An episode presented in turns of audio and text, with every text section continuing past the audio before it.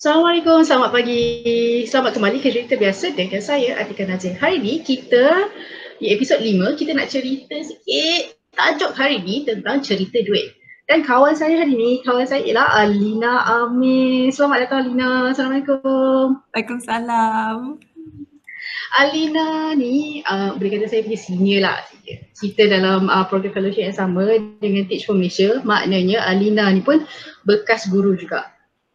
Tapi tak bermakna dia bekas guru dia tinggalkan perguruan tu macam tu je. Sekarang pun dia masih buat kerja, masih dikelilingi dengan cikgu-cikgu juga tau. Ha, macam mana dia boleh buat kerja masih dikelilingi dengan cikgu-cikgu tak nak tinggalkan perguruan dan pendidikan tu. Ha, kita kena tanya Alina sendiri. Okay, mungkin Alina, Alina kenalkan diri sendiri lah Alina. Mungkin nak kenalkan diri, cerita sikit macam mana boleh terlibat dengan bidang pendidikan, kenapa tinggalkan bidang pendidikan ke. Ha, dan mungkin nak cerita sekarang Alina buat apa? Okey, terima kasih Atika. Uh, nama saya Alina uh, dan saya salah seorang pengasas bersama Arus Education atau uh, lebih dikenali sebagai Arus Academy.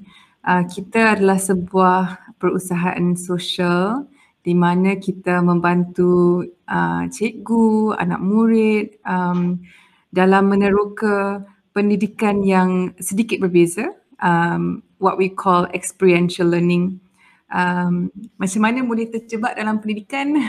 Uh, dulu tak bermula sebagai seorang guru. Um, lepas graduate uh, mula bekerja sebagai seorang consultant. Lepas tu rasa hidup tu kurang bermakna. Jadi tiba-tiba ter, ternampak iklan Teach for Malaysia uh, bercadang untuk cuba. Jadi lepas dah masuk ke dalam bilik darjah tu jatuh cinta dengan uh, pekerjaan seorang guru.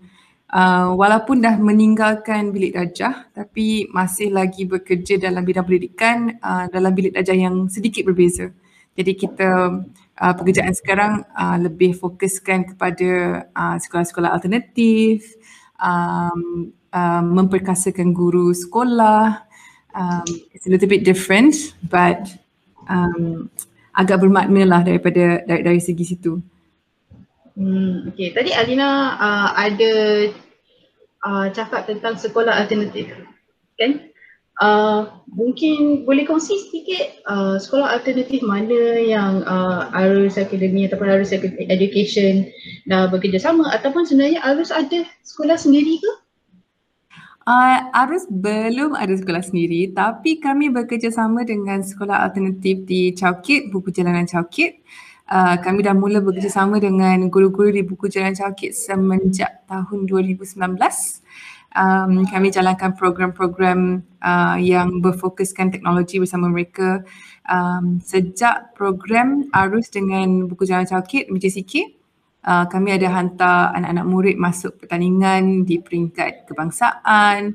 Kami bawa anak-anak murid uh, terlibat dalam uh, pertandingan atau program-program peringkat kebangsaan. Uh, salah satu sebab kenapa kita buat macam tu adalah kerana anak-anak murid di BJCK adalah anak-anak yang tiada dokumentasi. Jadi kami nak buktikan walaupun tanpa dokumentasi, walaupun tanpa akses kepada uh, pendidikan formal, uh, anak-anak kita sebenarnya kalau diberikan peluang boleh dan mampu belajar dan berjaya. Hmm. Okey.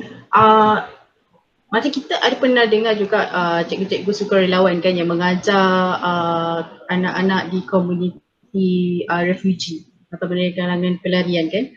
Apa bezanya uh, cikgu-cikgu di komuniti yang ajar refugee ni dengan yang dekat sekolah alternatif yang Alina mention tadi? Hmm, mungkin daripada segi latihan atau dari segi motivasi, um, kebanyakan cikgu-cikgu daripada sekolah alternatif adalah dari segi sukarelawan.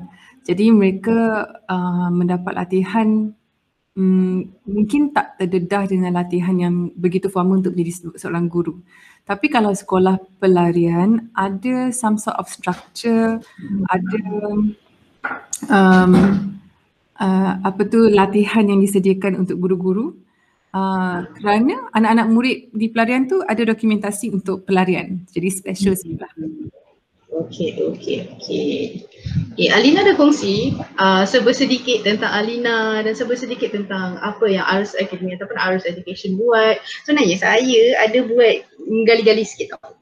Ada bergali-gali sikit kisah-kisah lama Alina. Tak adalah lama sangat. Okay, uh, saya kongsi dekat sini.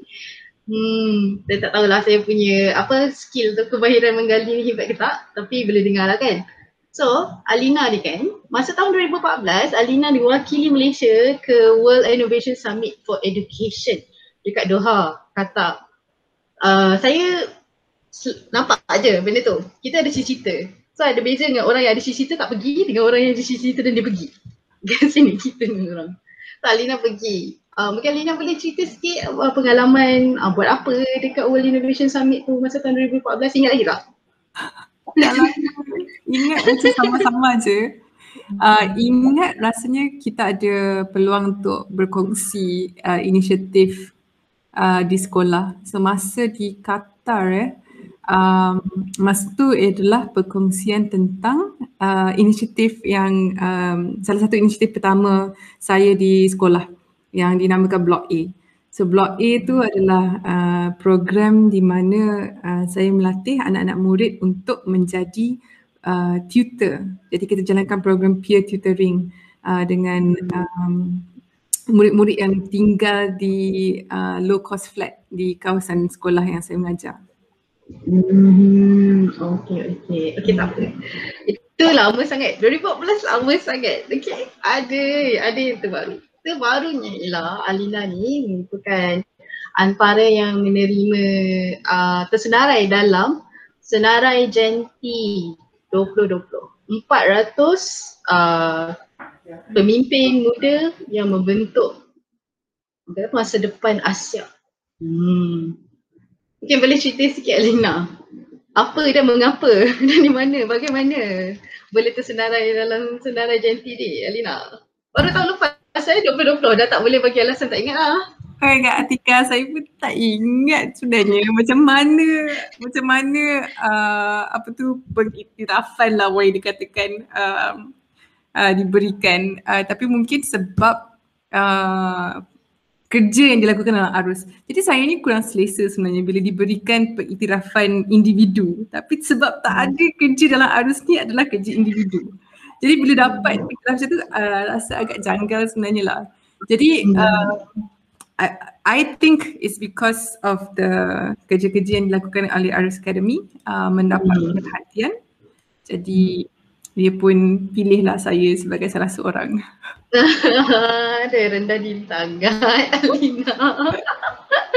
okay. Uh, mana Kak Alina banyak mention tentang Arus Academy kan. Alina pun sendiri cakap, ini bukan kerja saya seorang. Sebenarnya ramai orang lagi bawah dalam Arus Academy yang buat kerja. Okay. Um, tadi Alina cakap tentang uh, aim ataupun objektif. Kenapa Arus Academy ataupun Arus Education ini ditubuhkan kan. Uh, mungkin boleh cerita sikit lah. Um, bagi sesiapa yang tak kenal lagi Arus Academy ataupun Arus Education. Uh, Mungkin Alia boleh namakan beberapa program ke apa benda yang uh, Arus pernah buat ataupun akan buat? Okay, so um, Arus ni um, ada beberapa beberapa program yang kami uh, fokuskan uh, dan fokusnya berdasarkan siapa penerima program tersebut. So contohnya uh, kami ada program untuk guru-guru, kami ada program untuk anak muda, kami ada program untuk community dan ada juga program-program yang berfokuskan uh, perubahan dari segi sistem. Jadi uh, dari segi content development, pembinaan sumber untuk guru-guru dan sekolah. Tapi uh, semua ni di bawah satu umbrella yang menekankan pendidikan itu perlu experiential dan pendidikan itu perlu bermakna untuk sesiapa yang menerimanya. Uh, hmm. Jadi program di bawah Uh, guru-guru adalah program untuk memperkasakan mereka dari segi bukan sahaja kemahiran mengajar tapi juga dari segi pemikiran growth mindset.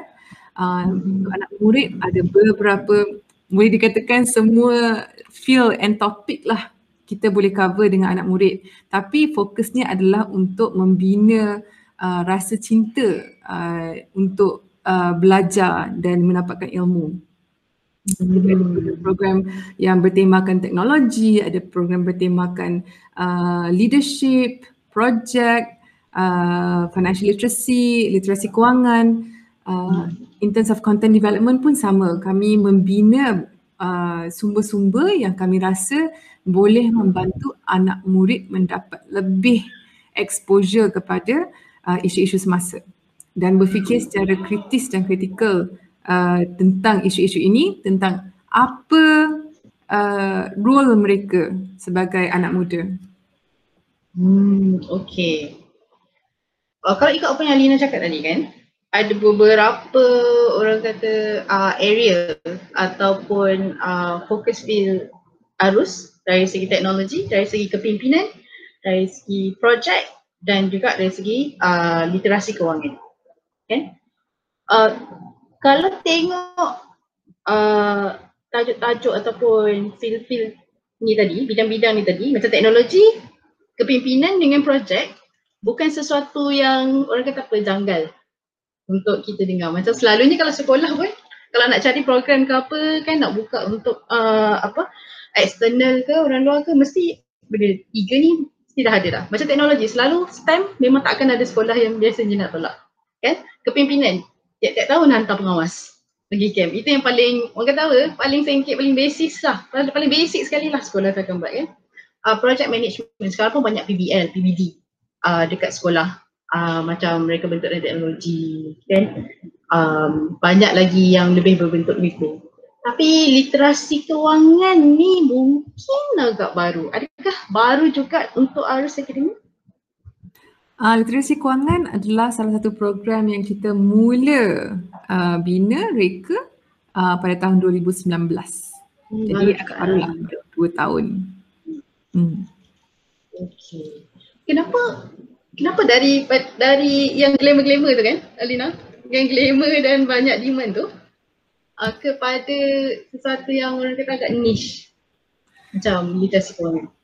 Okay, so salah satu sebab kenapa kita masuk literasi kewangan adalah bila kita dah mula bina banyak sumber untuk bidang-bidang lain ya. Um, kita mula sedar yang kalau nak membina seorang uh, insan yang wholesome, yang uh, mempunyai perspektif berbeza, dia perlukan pelbagai jenis kemahiran. Dan salah satu kemahiran yang kurang kita ketengahkan dengan anak muda adalah kemahiran um, money management.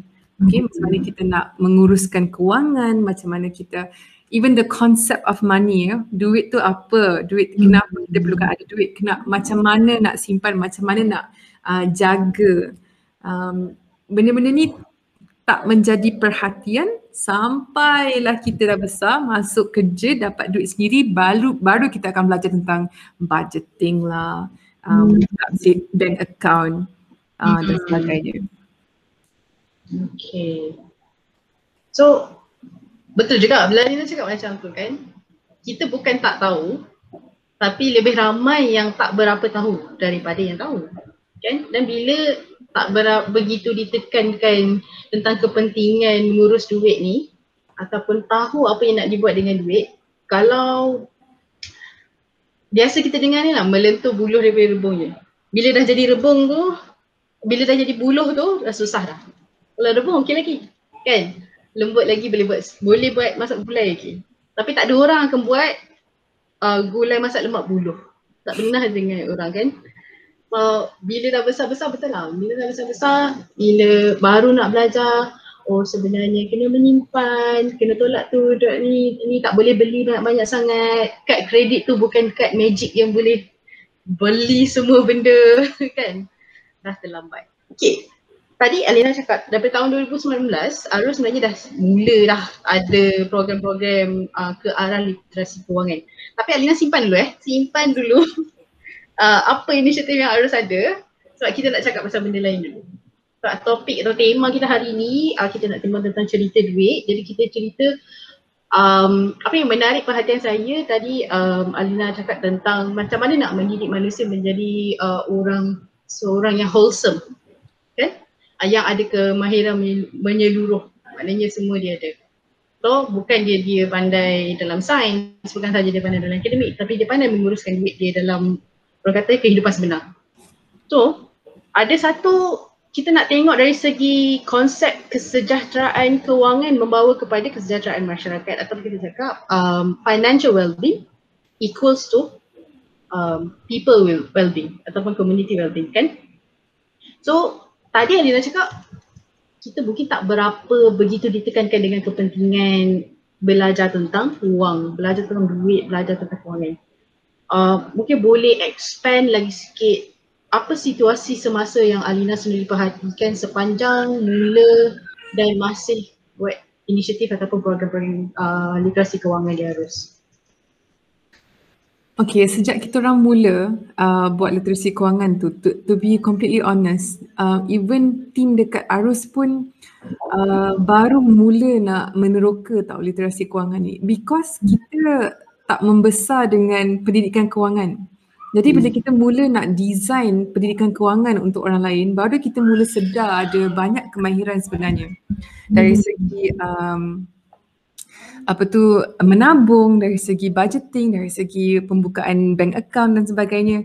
Dan bila kita mula mengajar benda-benda ni kepada basic eh, paling basic lah kepada anak muda, uh, anak-anak murid kita, kita sedar yang sebenarnya banyak mereka tak tahu. Ada ramai yang sebenarnya tak tahu pun konsep savings tu apa, konsep uh, buka bank tu apa.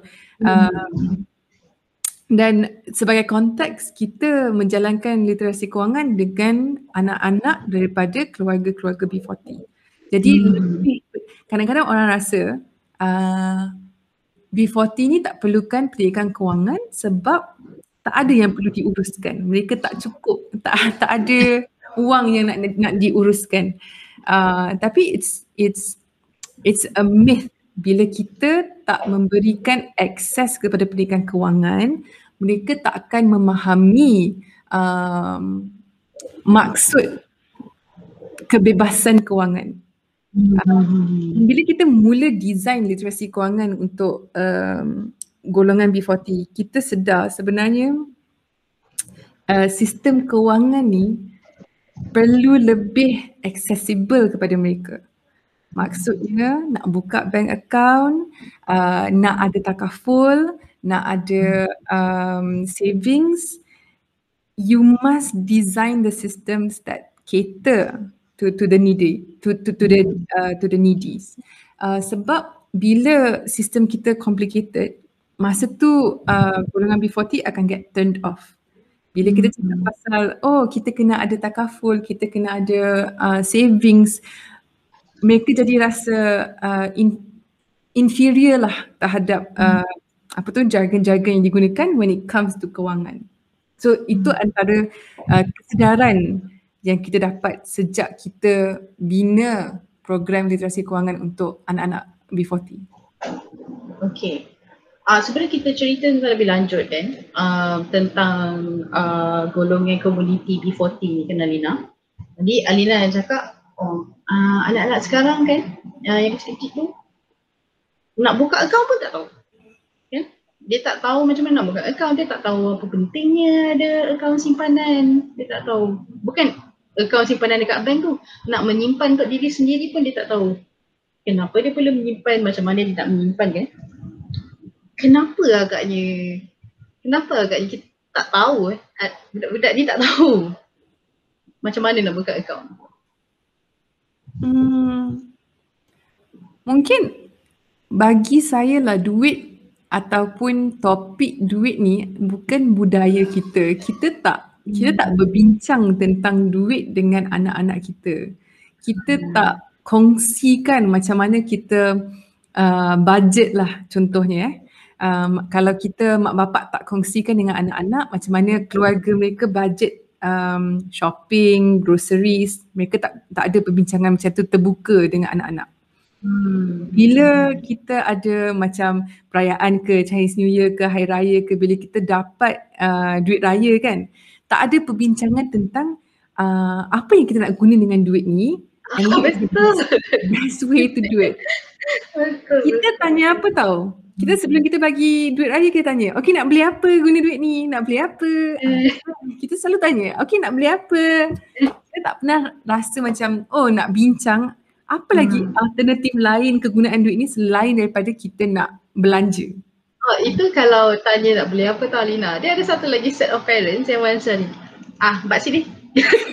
duit raya. Oh, dapat duit eh? Bak sini. Ah, lepas tu mak ayah ada simpan. Nak buat apa? Okay, tiba-tiba dah hilang gone. Tak tahu macam mana. Tapi kira ada yang mak bapak yang kira.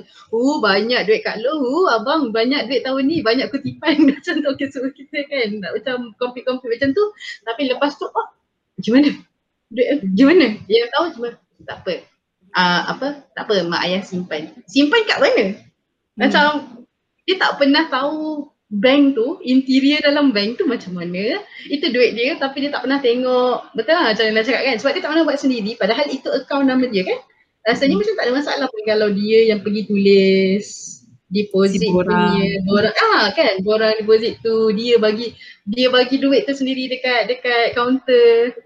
Betul lah betul Nana cakap kita punya kita punya culture kewangan ni uh, apa ke pengurusan kewangan atau aktiviti kewangan bukan terletak uh, pada anak-anak. Tapi dia macam okay, ini kuasa mutlak mak ayah. Hmm. Hmm. Tapi ada juga parents yang tanya nak beli apa eh. Oh bagus kan. Saya tak pernah dapat soalan macam tu tau. Dulu tu tak ada macam duit ni nak beli apa. Tak ada. Hmm. Okay. Ha betul betul betul. Saya memang sayang. Bukan culture kita. Jarang lah. Mungkin kat Malaysia macam tu. Tapi kalau kita boleh panjangkan soalan ni. Mungkin ada lebih jauh lagi skop yang yang literasi kewangan ni bukan culture bagi dekat anak untuk bertanggungjawab ataupun buat ownership anak tu kan. Hmm, mungkin budaya bukan budaya kita sebab kita sebagai seorang um, uh, orang dewasa pun kita tak kita sebenarnya tak mahir. Kita tak tak ramai yang ada kemahiran budgeting sebenarnya. Jadi bila kita tak selesa dengan kemahiran ni, susah kita nak sampaikan kepada orang lain. So katakanlah kalau saya tak pandai saving, saya tak pandai budgeting, susah saya nak sampaikan kepada anak-anak saya. Hmm, betul betul betul. Dah kalau dia tak reti kan. Macam mana dia mengajar dia kan. Ah ah okey. Ah tadi tadi Alina cakap kalau macam B40 uh, pentingnya uh, untuk kita uh, bina sistem yang yang betul-betul membantu golongan B40 sebab ada yang pertikaikan macam kenapa bantu B40 sebab tak ada apa yang nak diuruskan dekat situ. Tapi B40 bukannya berurusan tiap hari pakai daun kan? Dia pun pakai duit juga. Kan sama dengan kita. Kita pun berurusan buat perniagaan semua pakai duit dia pun pakai duit juga. So maknanya ada juga sesuatu yang perlu diuruskan dekat situ. Dia pun dapat gaji dia pun gaji dia keluar sama je dengan kita cuma mungkin dari segi orang kata um, restriction dari segi macam mana dia nak guna duit tu. Kan? Apa lagi uh, apa lagi tuntutan? Ah apa lagi tuntutan-tuntutan kewangan yang dia ada yang mungkin kita tak ada? Kan? Tadi Alina cakap um, tentang takaful. Kan? Macam kita tak boleh pergi dekat B40 macam eh kena ada insurance tahu tak insurance ni nanti kalau masuk hospital kalau tiba-tiba kena operate kena 40 ribu siapa nak bayar? Dia duit hari-hari pun dia kena kira macam mana dia nak tengok yang dekat hospital tu kan? Uh, Alina ada cakap tadi tentang kita kena betulkan sistem supaya mereka tak takut dengan bukan takut lah macam boleh lebih menerima. Golongan B40 ni boleh lebih rasa terbuka dan menerima uh, jargon-jargon kewangan ni. Kan ada juga orang yang cakap saya pernah dengar lah ini yang saya pernah dengar je mereka yang juga dari dalam sistem apa literasi kewangan ni dia cakap uh, sistem kita tak susah yang susah perkataan tu hmm. perkataan tu complicated so orang B40 tak boleh faham Alina setuju tak dengan benda ni? Mana perkataannya tak boleh faham ke sebenarnya sistem tak membantu sekarang ni? Okay. I bagi contoh lah Atika eh. I pernah baca sejak uh, kita start uh, literasi kewangan ni, I mula berminat lah untuk uh, meneroka sistem kewangan yang lebih inklusif. Kenapa? Hmm. Uh, kalau kita cakap tentang takaful, kalau kita cakap tentang savings, kenapa golongan B40 tu kurang pendedahan? And then saya terjumpa di this satu study ni um, and study ni dia berbincang tentang uh, a bias that kita ada. Bias hmm. bias tu apa? Dalam bahasa? Berat sebelah. Uh, berat sebelah. Uh, and bias ni dinamakan uh, thick skin bias. Uh, kulit tebal. Okay bias kulit tebal. Apa maksud bias kulit tebal ni ialah bila kita um, kita ada rasa kalau orang tu datang daripada keluarga yang susah atau datang daripada marginalized background mereka dah biasa dengan kesusahan jadi kalau kita berikan hmm. lagi kesusahan their skin is very thick dia tak boleh rasa sakit dia Ah. Okay. So we have a thick skin bias. Jadi kalau kita bayangkan sistem kita eh dengan borang-borang yang kita uh, ada untuk uh, buka account dengan kalau kita bekerja dengan uh, if we look at B40 punya keluarga katalah dia orang OKU ke dia orang um, uh, golongan emas ke uh, yang yang yang lebih senior citizens right sangat susah untuk mereka masuk dalam sistem ni because the system is very difficult Kenapa hmm. sistem ni susah? Sebab kita rasa kalau kita susahkan sedikit uh, orang B40 ni tak apa, mereka tak akan rasa, mereka tak rasa sakit, mereka dah terbiasa. Jadi okay. we don't think about them tau. Uh, macam ada saya saya terbaca hari tu um, berita tentang um, OKU, senior citizen, they just give up uh, B40 give up, pak cik tua tu give up untuk dapatkan uh, apa tu uh, bantuan kewangan sebab dia dia tak boleh membaca, tak boleh menulis. Dia tak boleh nak isi borang. Jadi dia hmm. just walk away. Hmm. Jadi uh, bantuan-bantuan ni yang sepatutnya membantu B40 sebenarnya chasing them away.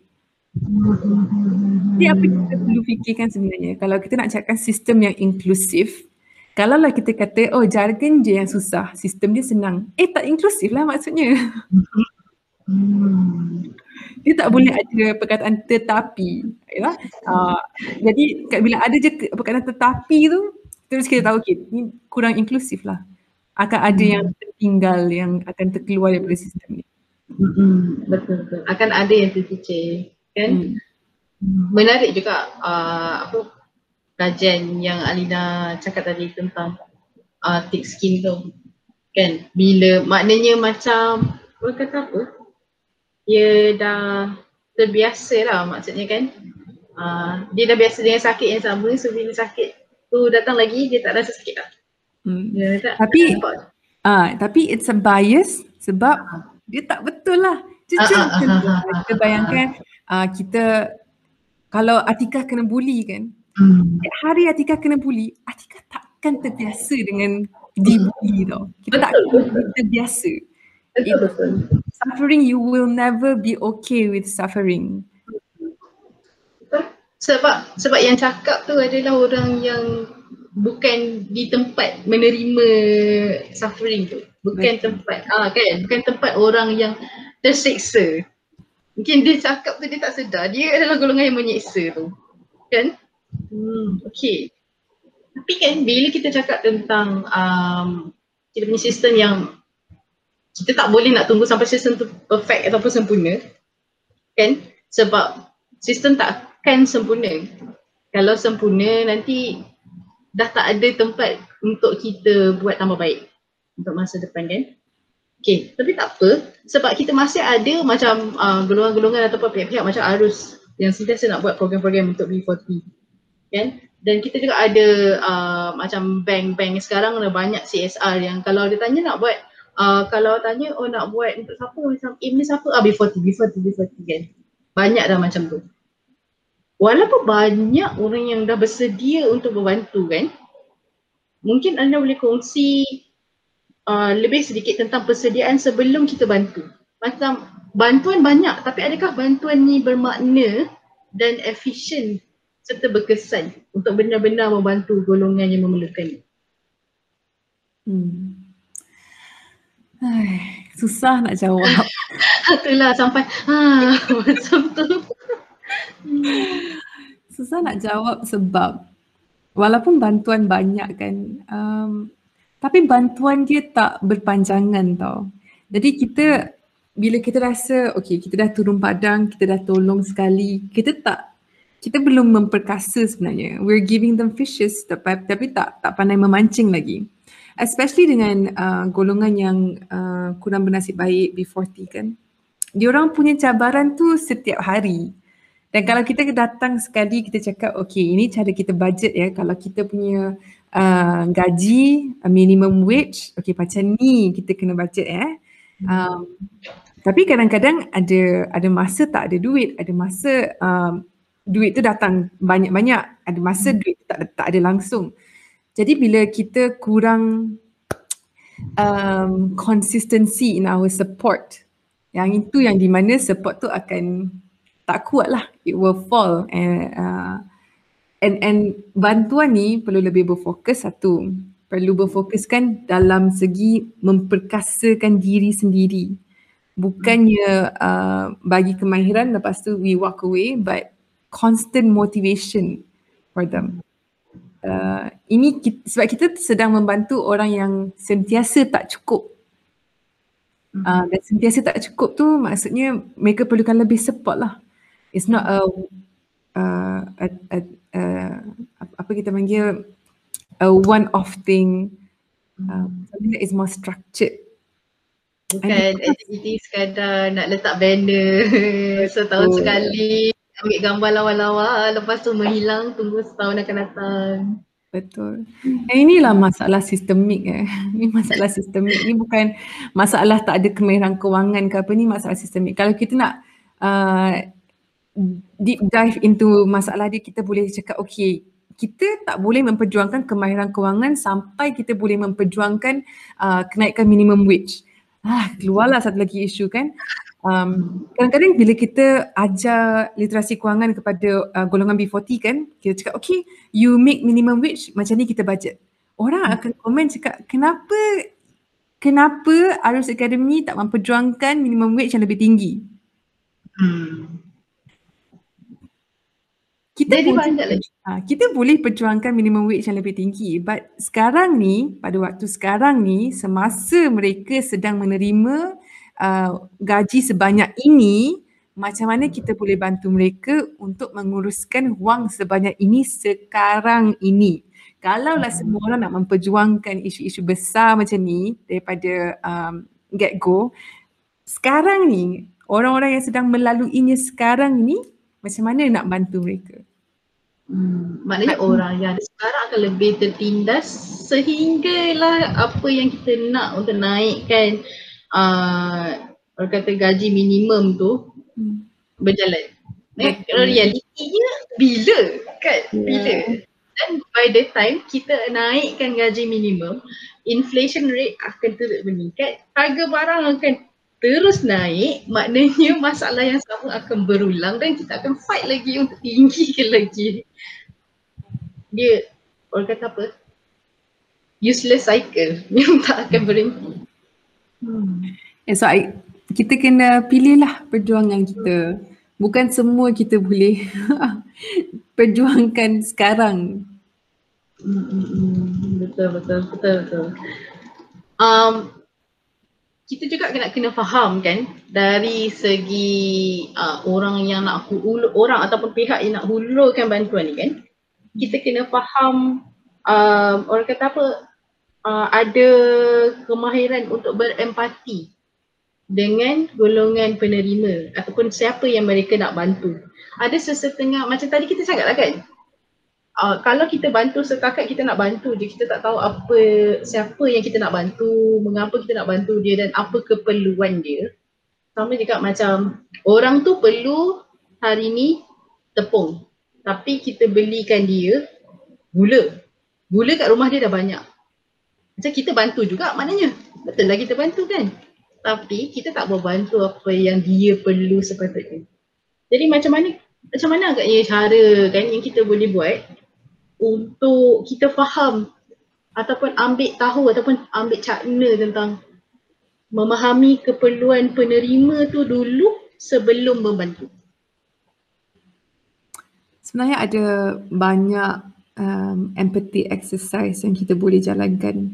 Um, and kalau kita betul-betul nak memahami uh, masyarakat yang kita nak membantu ni uh, the best way is to memang turun padang lah dan turun padang tu bukan sekali dua tapi turun padang untuk um, a good period of time dan dalam masa turun padang itu masa ni kita nak bertanyakan uh, keperluan dan kehendak mereka bukannya impose keperluan dan kehendak kita terhadap mereka jadi even the empathy exercise tu soalan yang kita nak tanyakan perlu um, tak boleh nak membawa kepada uh, membenarkan hipotesis kita. Sebab hipotesis kita, kita rasa semua orang perlukan kemahiran dot dot dot dot dot. Jadi kita, bila kita turun tu, we must have like a, a clean slate dalam kita punya kepala otak ni. Tak boleh dah ada preconceived ideas about macam mana dia orang berfikir, macam mana dia orang berbelanja. Kalau kalau kita tak pernah melalui keadaan mereka, there is no way, tak boleh, tak mungkin kita boleh memahami what they're going through. Jadi bila kita turun padang tu, paling penting is our mindset is clear of preconceived ideas.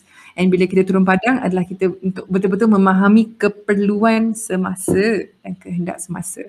And without judgment, kalau lah, kalau lah dia kata, okay, single mother, um, saya belanjakan kebanyakannya uh, on on uh, makanan uh, snacks because dia murah dan uh, boleh beli banyak ataupun mm-hmm. uh, dia tak dapat nak beli susu tepung jadi dia beli uh, susu pekat untuk yeah. baby dia. Susu pekat tambah air. Betul. So there is jangan sesekali we judge that person because kita tak tahu keadaan dia macam mana. So another thing that kita belajar uh, that kita belajar daripada program ni ialah bila kita dalam keadaan kesusahan um, there is this mindset I, I lupa nama dia apa eh this mindset where bila, lagi kita ada dalam kesusahan lagi banyak pilihan yang salah kita akan uh, kita akan buat the more mistakes mm. because kita ada orang susah ni dia perlukan uh, mental capacity yang lebih sebab mereka sentiasa sedang membuat pilihan. Hmm. Macam I dengan you eh, kalau I rasa macam I nak beli kopi, I keluar I pergi beli kopi. Untuk diorang, diorang kena fikir kopi mana yang paling murah, kopi mana yang uh, paling tak akan memberikan impak. Kalau I beli kopi ni maksudnya I tengah forgo apa. Hmm, you and I nak beli kopi, kita keluar beli kopi mental capacity kita tak perlu sampai nak naik apa yang beli kopi yang paling murah tak boleh. Betul, betul, betul. Paling-paling pun dia fikir lebih sikit tu, kopi jenis apa nak beli ya? Ha? Nak tambah, nak tambah shots ke? Ha? Nak nak tambah apa whipped cream ke? Mm-hmm. Tak pun balik ha? macam tak nak kopi lah, tiba-tiba nak coklat gedik-gedik macam tu kan? Boleh je. Buat kita mampu. Ah, betul, betul. Okay. Ah, tadi Alina cakap dia the uh, apa yang bila kita berada dalam situasi kewangan yang orang kata tidak membantu lah kan yang kita akan buat keputusan yang tak baik kan uh, saya ada reservation sikit pasal research ni jugalah kajian ni sebab bila dia cakap kan tentang keputusan yang tidak baik kan so terus terfikir keputusan yang tidak baik dari sudut pandang siapa. Kan? Macam tadi kita dah cakap tentang macam mana sistem tu menyebabkan golongan B40 akan kekal dan sentiasa tertindas. Kan? Uh, bila kita cakap tentang keputusan yang tidak baik contohnya kan kita tak ada tak ada perlindungan insurance. Orang tu tak ada insurance. Macam tadi kita cakap apa? Yang dia beli makanan tu dia lebih banyak beli snack, itu jajan. Kan? Sebab dia murah dan boleh beli dalam bulk dan lebih banyak. Ataupun orang beli uh, daripada beli susu formula yang satu tin kecil tu sampai beratus harga dia dia beli susu paket pada kita macam Alina dengan saya kan pada kita tu memang keputusan yang silap. Kan? Keputusan yang salah. Dari segi kesihatan memang tak sihat nak beli jajan dia memanglah sedap tapi it's not something yang kita macam nak makan sampai buat stok kat rumah. Kan? Kita tak perlu tu. Dan kita tak rasa macam itu adalah dosa yang baik. Even bukan dari segi kewangan tapi also dari segi kesihatan. Tapi um, dan apa agaknya golongan ni buat keputusan macam tu kalau tak situasi dan apa tadi bantuan yang kita cakap dari segi support ataupun bantuan tu tak ada kan ataupun tak sampai dekat dia. Dulu just saya punya pandangan lah. Sebab bila cakap sampai keputusan yang salah, siapa punya siapa punya standard yang kita letak. Hmm. Dekat I guess kita uh, general standard contohnya kalau kita cakap tentang kewangan kan kita selalu cakap jangan pinjam duit dengan Along whatever it is hmm. jangan pinjam duit dengan Along tapi kenapa setiap kali mesti ada je Along is thriving it's a, it's a thriving business for them hmm. sebab ada je orang yang akan pergi pinjam dekat mereka sebab apa when it comes to the people who really need it dia tak ada dia rasa inilah pilihan salah satu salah satunya pilihan kita. Hmm. Tapi untuk untuk orang untuk kita eh, yang yang uh, tak melalui keadaan tersebut, kita tahulah whatever it is kita tak akan pergi dekat Alung. Kita akan pinjam dengan Alung. Kita lebih rela you know meminta dekat mak bapak kita ke dekat ahli keluarga hmm. daripada minta dekat Alung. Tapi untuk orang yang susah um, tak ada pilihan lain walaupun minta dekat Alung tu is clearly salah dan tak boleh lah buat. Okay. Hmm. Um, uh, and this is where uh, it comes back bila it's it's a systemic issue and systemic issue ni menyebabkan keadaan tu lebih susah dan lebih susah keadaan tersebut lagi susah untuk kita buat pilihan yang terbaik. Hmm. sebab kita tak ada masa. Kita tak ada masa kita perlu buat decision tu sekarang.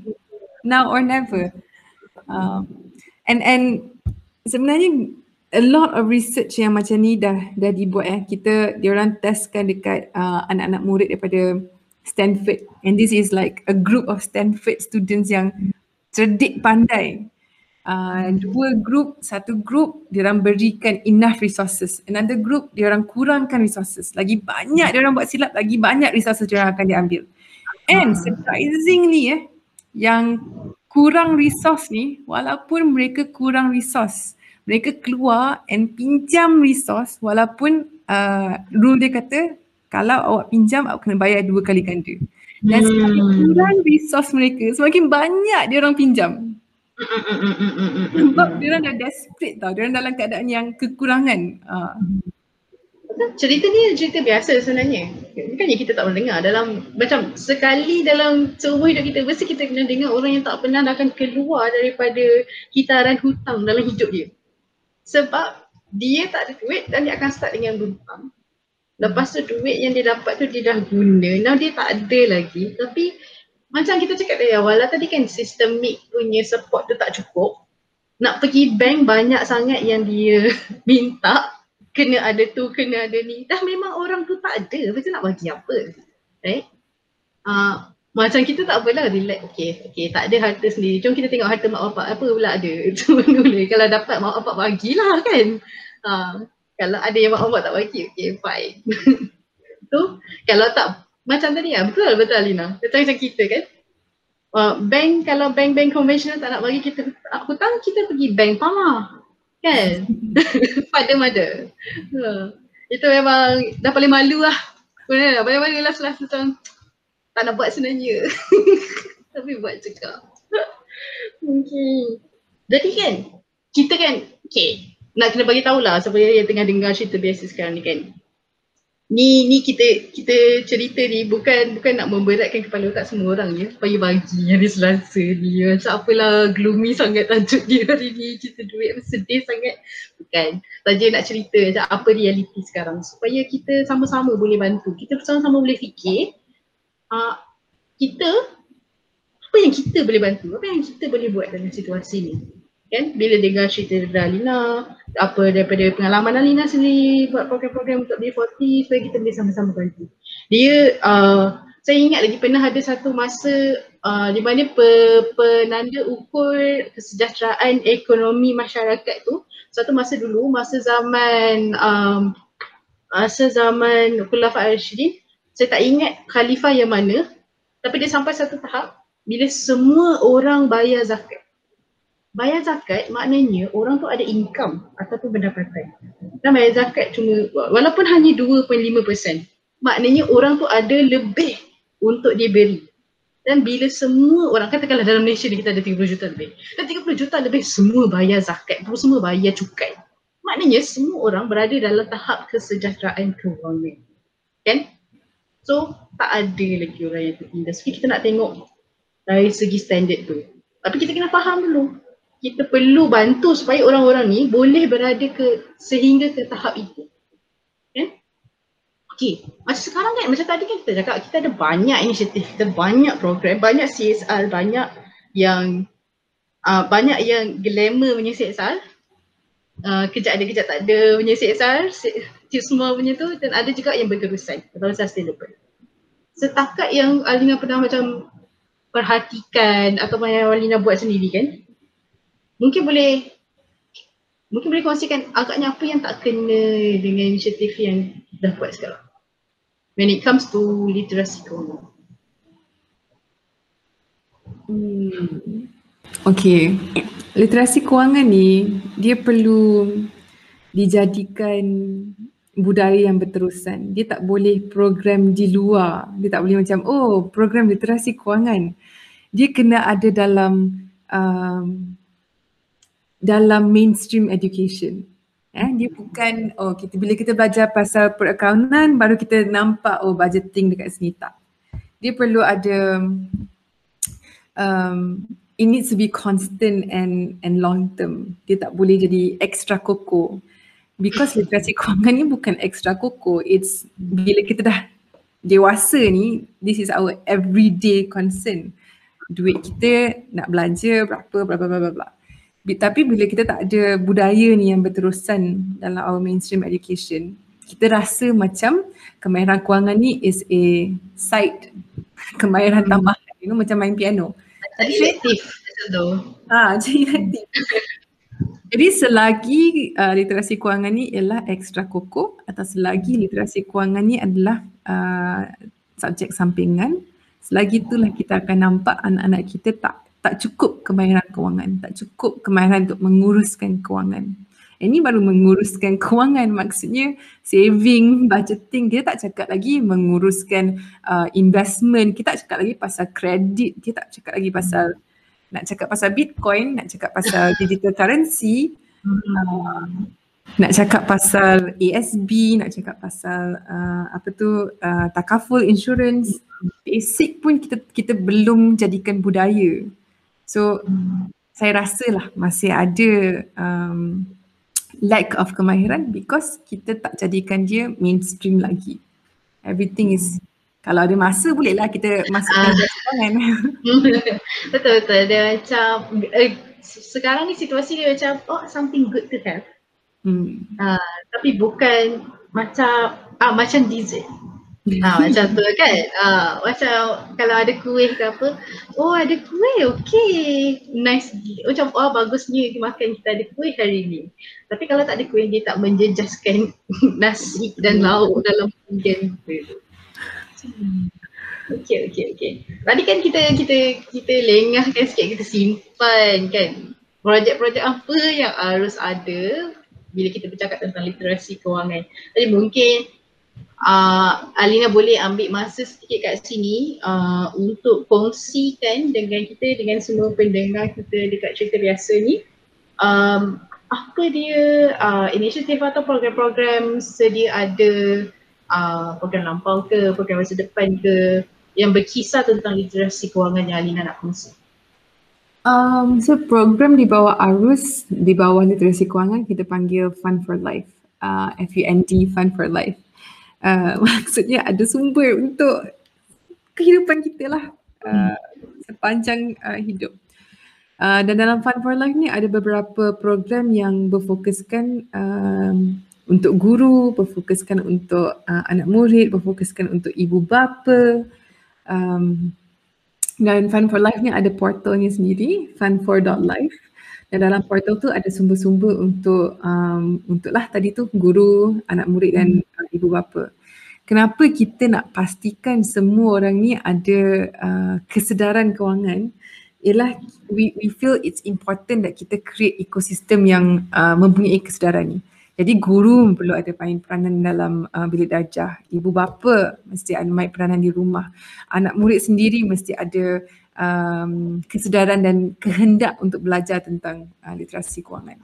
Hmm. Uh, bawah Fun for Life, selain daripada portal, kita juga ada Fun for Life Camp uh, di mana kita bekerja dengan uh, anak murid secara dalam dari segi apa tu konsep uh, camping lah tapi uh, sekarang ni PKP kan uh, so sejak tahun lepas kita jalankan kami secara dalam talian uh, lepas tu uh, coming up akan datang kita akan ada FFL Dreams uh, macam saya katakan tadi financial literacy ni literasi kewangan ni tak boleh dijadikan uh, a side thing. FFL Dreams ialah program di mana it's a long term uh, sepanjang uh, at least dua tahun bersama dengan anak muda uh, bersama-sama membina impian melalui literasi kewangan. Mm-hmm. Uh, lepas tu kita ada program untuk guru-guru untuk uh, menunjukkan kepada mereka cara untuk m- mengajar literasi kewangan dalam bilik darjah berdasarkan subjek yang mereka sedang belajar uh, untuk ibu bapa kita ada sumber-sumber seperti uh, apa aktiviti yang boleh dilakukan di rumah untuk anak murid eh, untuk anak-anak uh, yang uh, berbeza umur. Um, kita juga ada program untuk uh, youth maksudnya uh, anak muda yang dah lepasan SPM dalam hmm. dari young professionals uh, ataupun university students yang kita panggil digital financial inclusion uh, challenge. Dan yang ini adalah pembinaan kita nak memperkasa anak muda sebagai the main advocacy untuk um, berjuang untuk sistem kewangan yang lebih inklusif.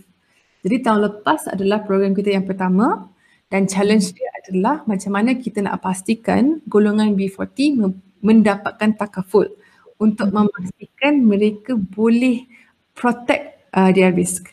Apa yang kita tak faham ialah Takaful ni selalunya dikatakan untuk orang-orang yang berada, orang-orang yang ada, uh, yang mampu.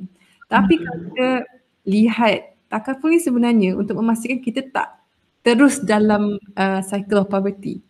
Hmm. Kalau rumah kita terbakar ke apa, kalau saya seorang yang miskin, saya akan jadi lebih miskin bila malapetaka terjadi kepada kehidupan saya. And takaful hmm. is that kind of protection. Uh, so hmm. macam mana kita nak pastikan golongan B40 juga mendapatkan the same protection as orang-orang lain. Mereka sebenarnya lebih memerlukan this protection than other people. Hmm, betul kan? Antara program-program yang kita bina di bawah Fund for Life. Konsep takaful tadi kan Alina kan? Bila kita cakap tentang takaful dalam perbankan Islam when it comes to takaful kan? Dia cakap apa yang duit yang kita kumpul tu sebenarnya untuk digunakan bersama bagi bagi perlindungan orang lain yang memerlukan. Jadi bila bila tercicirnya golongan yang sebenarnya memerlukan tu, uh, B40 tu, jadi dia tak tak mencapai objektif lah. Kan? Bila dia tak termasuk contohnya macam katalah saya Alina akan tiga orang lagi. Okey kita kumpul duit, kumpul duit, kumpul duit. Lepas tu siapa-siapa yang macam tiba-tiba ada musibah ke apa, kita guna duit yang kita kumpul tu untuk bantu CA ni contohnya kan. Tapi kalau dah CA tu tak masuk dalam circle tu, dah tu macam mana kita nak bantu dia. Kan? Hmm, Satu satu benda yang kita kita perlu fikir bersama-sama. Kan? Hmm. Saya tengok tadi program-program yang Lina apa cakap tadi menyeluruh dari segi umur. Ada untuk anak murid uh, daripada seawal umur berapa tu Lina? Kita ada seawal tujuh tahun tak silap saya. Uh, tapi kita segmentize untuk ibu bapa. So daripada yang paling muda and then bila dah masuk sekolah uh, rendah, bila dah masuk sekolah menengah and then towards university, uh, apa aktiviti yang uh, ibu bapa boleh gunakan dengan uh, anak-anak? Hmm, okay. Saya dengar tadi okay ada ada anak murid, ada anak-anak uh, apa dari segi literasi pendidikan literasi kewangan anak-anak untuk rujukan ibu bapa, lepas tu ada juga untuk rujukan guru Lepas tu ada Digital Financial Inclusivity Challenge tu kan itu orang muda kan belia. Um, ada ada cita-cita atau ada ada rancangan ke mungkin nak buat program literasi kewangan untuk orang yang terlanjut tapi tidak terlewat lagi? Uh, ada, ada. Um, Tapi program-program macam tu kita uh, dalam perancangan lagi macam mana kita nak reach out to much older generation kan. Mm-hmm. Uh, and sebenarnya macam kalau kita tengok kan ada banyak organisasi yang uh, yang dah berfokus dia ialah bukan anak muda. So contohnya mm. macam AKPK. AKPK mm. memang dia punya target audience adalah uh, anybody but youth.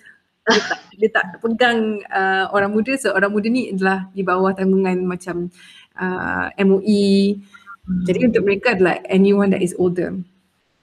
And to to me and and to to Arus kalau kita nak bina sesuatu yang sustainable mesti ada collaboration uh, at a systemic level kita tak boleh shot sendiri so that is why kebanyakan uh, program Fund for Life ni adalah Uh, kolaborasi dengan MOE, kolaborasi dengan community leaders and kalau kita nak go beyond uh, the youth, kita mesti collaborate dengan uh, organisasi macam AKPK, Bank Negara dan sebagainya uh, to make sure that it's sustainable lah.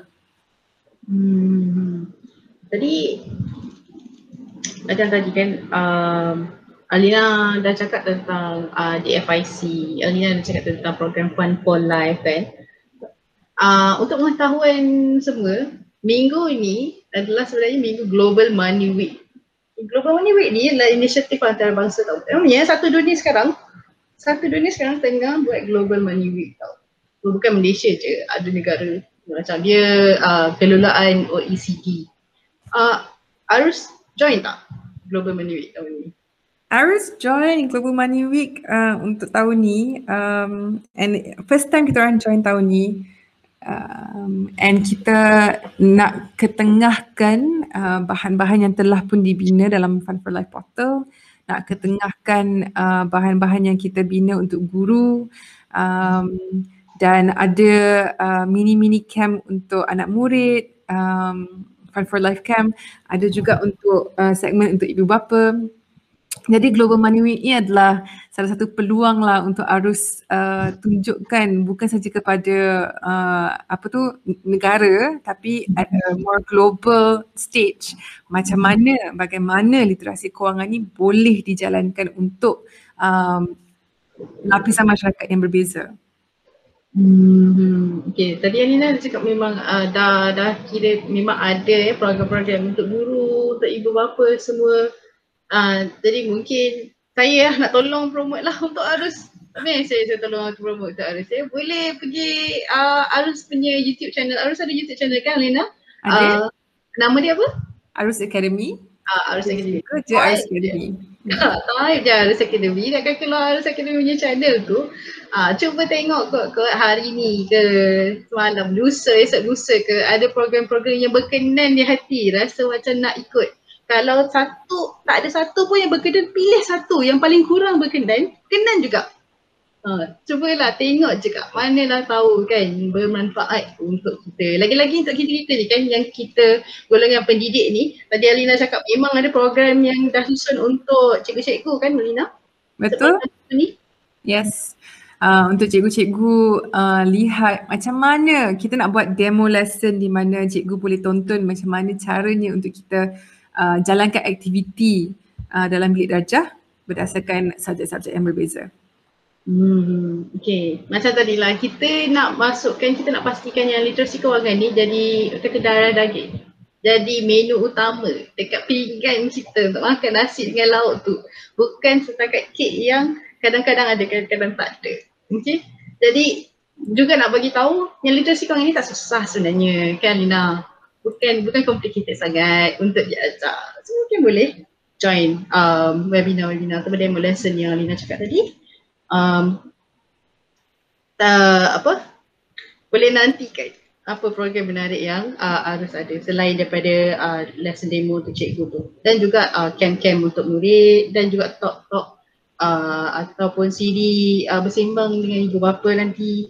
Okay, kita dah banyak cerita hari ni kan Alina? Tentang literasi kewangan, tentang kesedaran tentang literasi kewangan, tentang dekat mana kita tahap kita sebagai orang kata apa pembantu yang nak membantu tu. Apa yang kita kurang lagi apa lagi yang kita boleh tambah baik? Kita dah basically dah cakap Uh, macam saya cakap lah, tak payah, tak payah rasa sedih sangat hari ni, tak payah rasa, tak payah macam, uh, kenapa lah realiti ni tidak tidak seindah hidupku, bukan macam tu ya. Memang realiti tu agak pahit dan tidak berapa nak indah. Indah kadang-kadang je. Uh, dia macam hadiah. Dia tak boleh hadiah dapat selalu. Kalau dapat selalu dia dah terbiasa sangat. Tapi tak ada apa yang best dapat hadiah tu. Okay.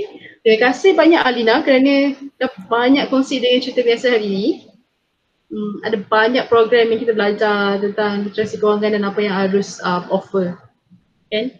Um, saya ada satu soalan terakhir ya, Lina, satu soalan terakhir. Kita cakap tentang, oh kita sebagai bapa, nanti kita nak ajar anak-anak apa Kita nak ajar anak-anak kita apa dan apa. Um, yang tak tahu lagi, Alina ni bukan saja seorang bekas pendidik dan juga uh, apa pengasas bersama Arus Akademi. Alina juga seorang mak ya. Alina dah ada anak. Sebab tu dia banyak kali cakap, oh anak-anak kita, anak-anak kita, anak-anak kita. Sebab dia dah ada anak sendiri. Soalan saya, soalan terakhir sebelum kita tutup episod cerita biasa hari ni. Um, anak Alina kan, um, apa agaknya, apa yang anak Alina pernah buat ataupun pernah cakap yang yang turn out to be a very um, nasihat yang terkesan dekat hati. Dia tak perlu pasal literasi kewangan ya Alina. Dia boleh jadi pasal apa-apa je yang lain juga. Macam tiba-tiba apa yang anak Alina nama Ali kan? Uh. Apa-apa yang Ali buat ke dia tercakap ke tiba-tiba macam oh aku ditegur gitu. Ada tak? Hmm. Ada tak Alina? Uh, okay konteks. Anak saya umur dia 2 tahun je. Okay tapi tapi ni soalan yang sangat baik sebab anak saya ni dia memang uh, banyak cakap. Uh, dan dari kalau nak cakap nasihat eh hmm, dia suka cakap apa tau? Dia akan dia akan kalau lah saya tengah stres ke tengah kerja ke apa dia akan pergi dekat saya dia akan cakap mami be happy tu je oh. Lepas tu dia akan pergi. dia macam sangat aware tentang perasaan atau stres yang ada dalam diri sebab dia akan hmm. datang, dia akan cakap, Mami, be happy. Tapi daripada segi literasi kewangan ya, okay, ni uh, a bit more. Walaupun dia baru dua tahun, tapi saya dah mula jadikan budaya di rumah untuk bercakap tentang wang. Jadi sekarang ni setiap kali dia terjumpa duit, 10 sen ke 5 sen dia tahu dia tak boleh makan. Tu satu.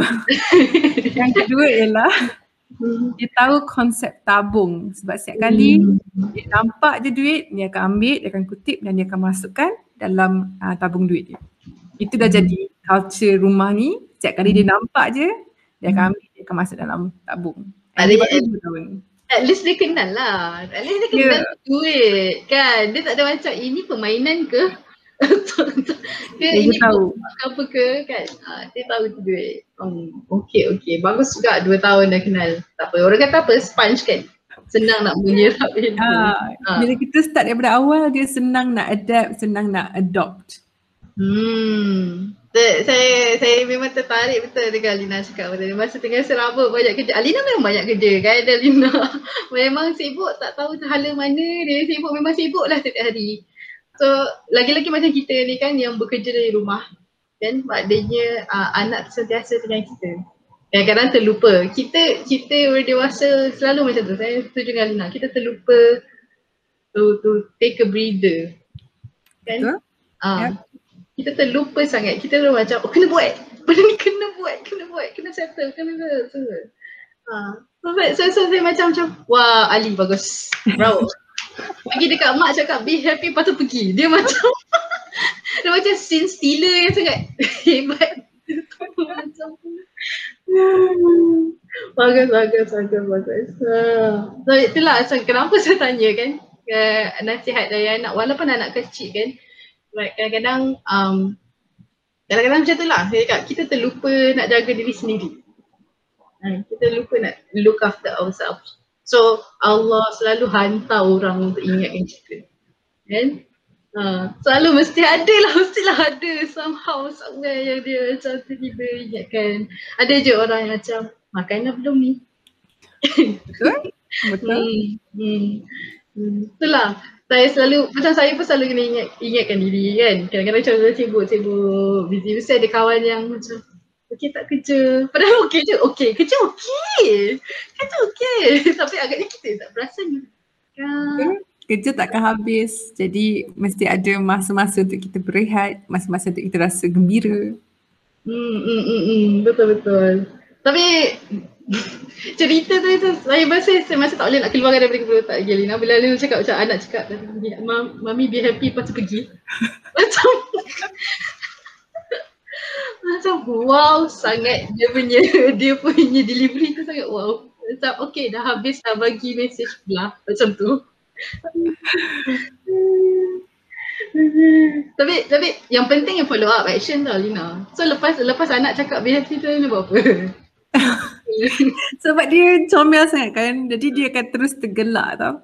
Kadang-kadang kan uh, bila kita tak tak react betul-betul, dia akan datang balik. Dia akan tanya, "Mami, why are you sad?" Dia akan tanya, "Kenapa? Why?" Just mommy be happy. Dia macam arahan tau. Oh. I want you to be happy right now. Now. Ah, okay. Boleh pula dia, dia, dia check kan. Macam kita pula buat CFU. dengan apa semua. Okay, okay, okay, menarik. Okay, okay. Terima kasih banyak Alina kerana telah meluangkan masa dengan cerita biasa kali ini. Ah, terima kasih. Uh, cerita biasa, cerita yang biasa-biasa. Tapi orang yang ada guest tak kan, lebih biasa ni orang yang luar biasa guys.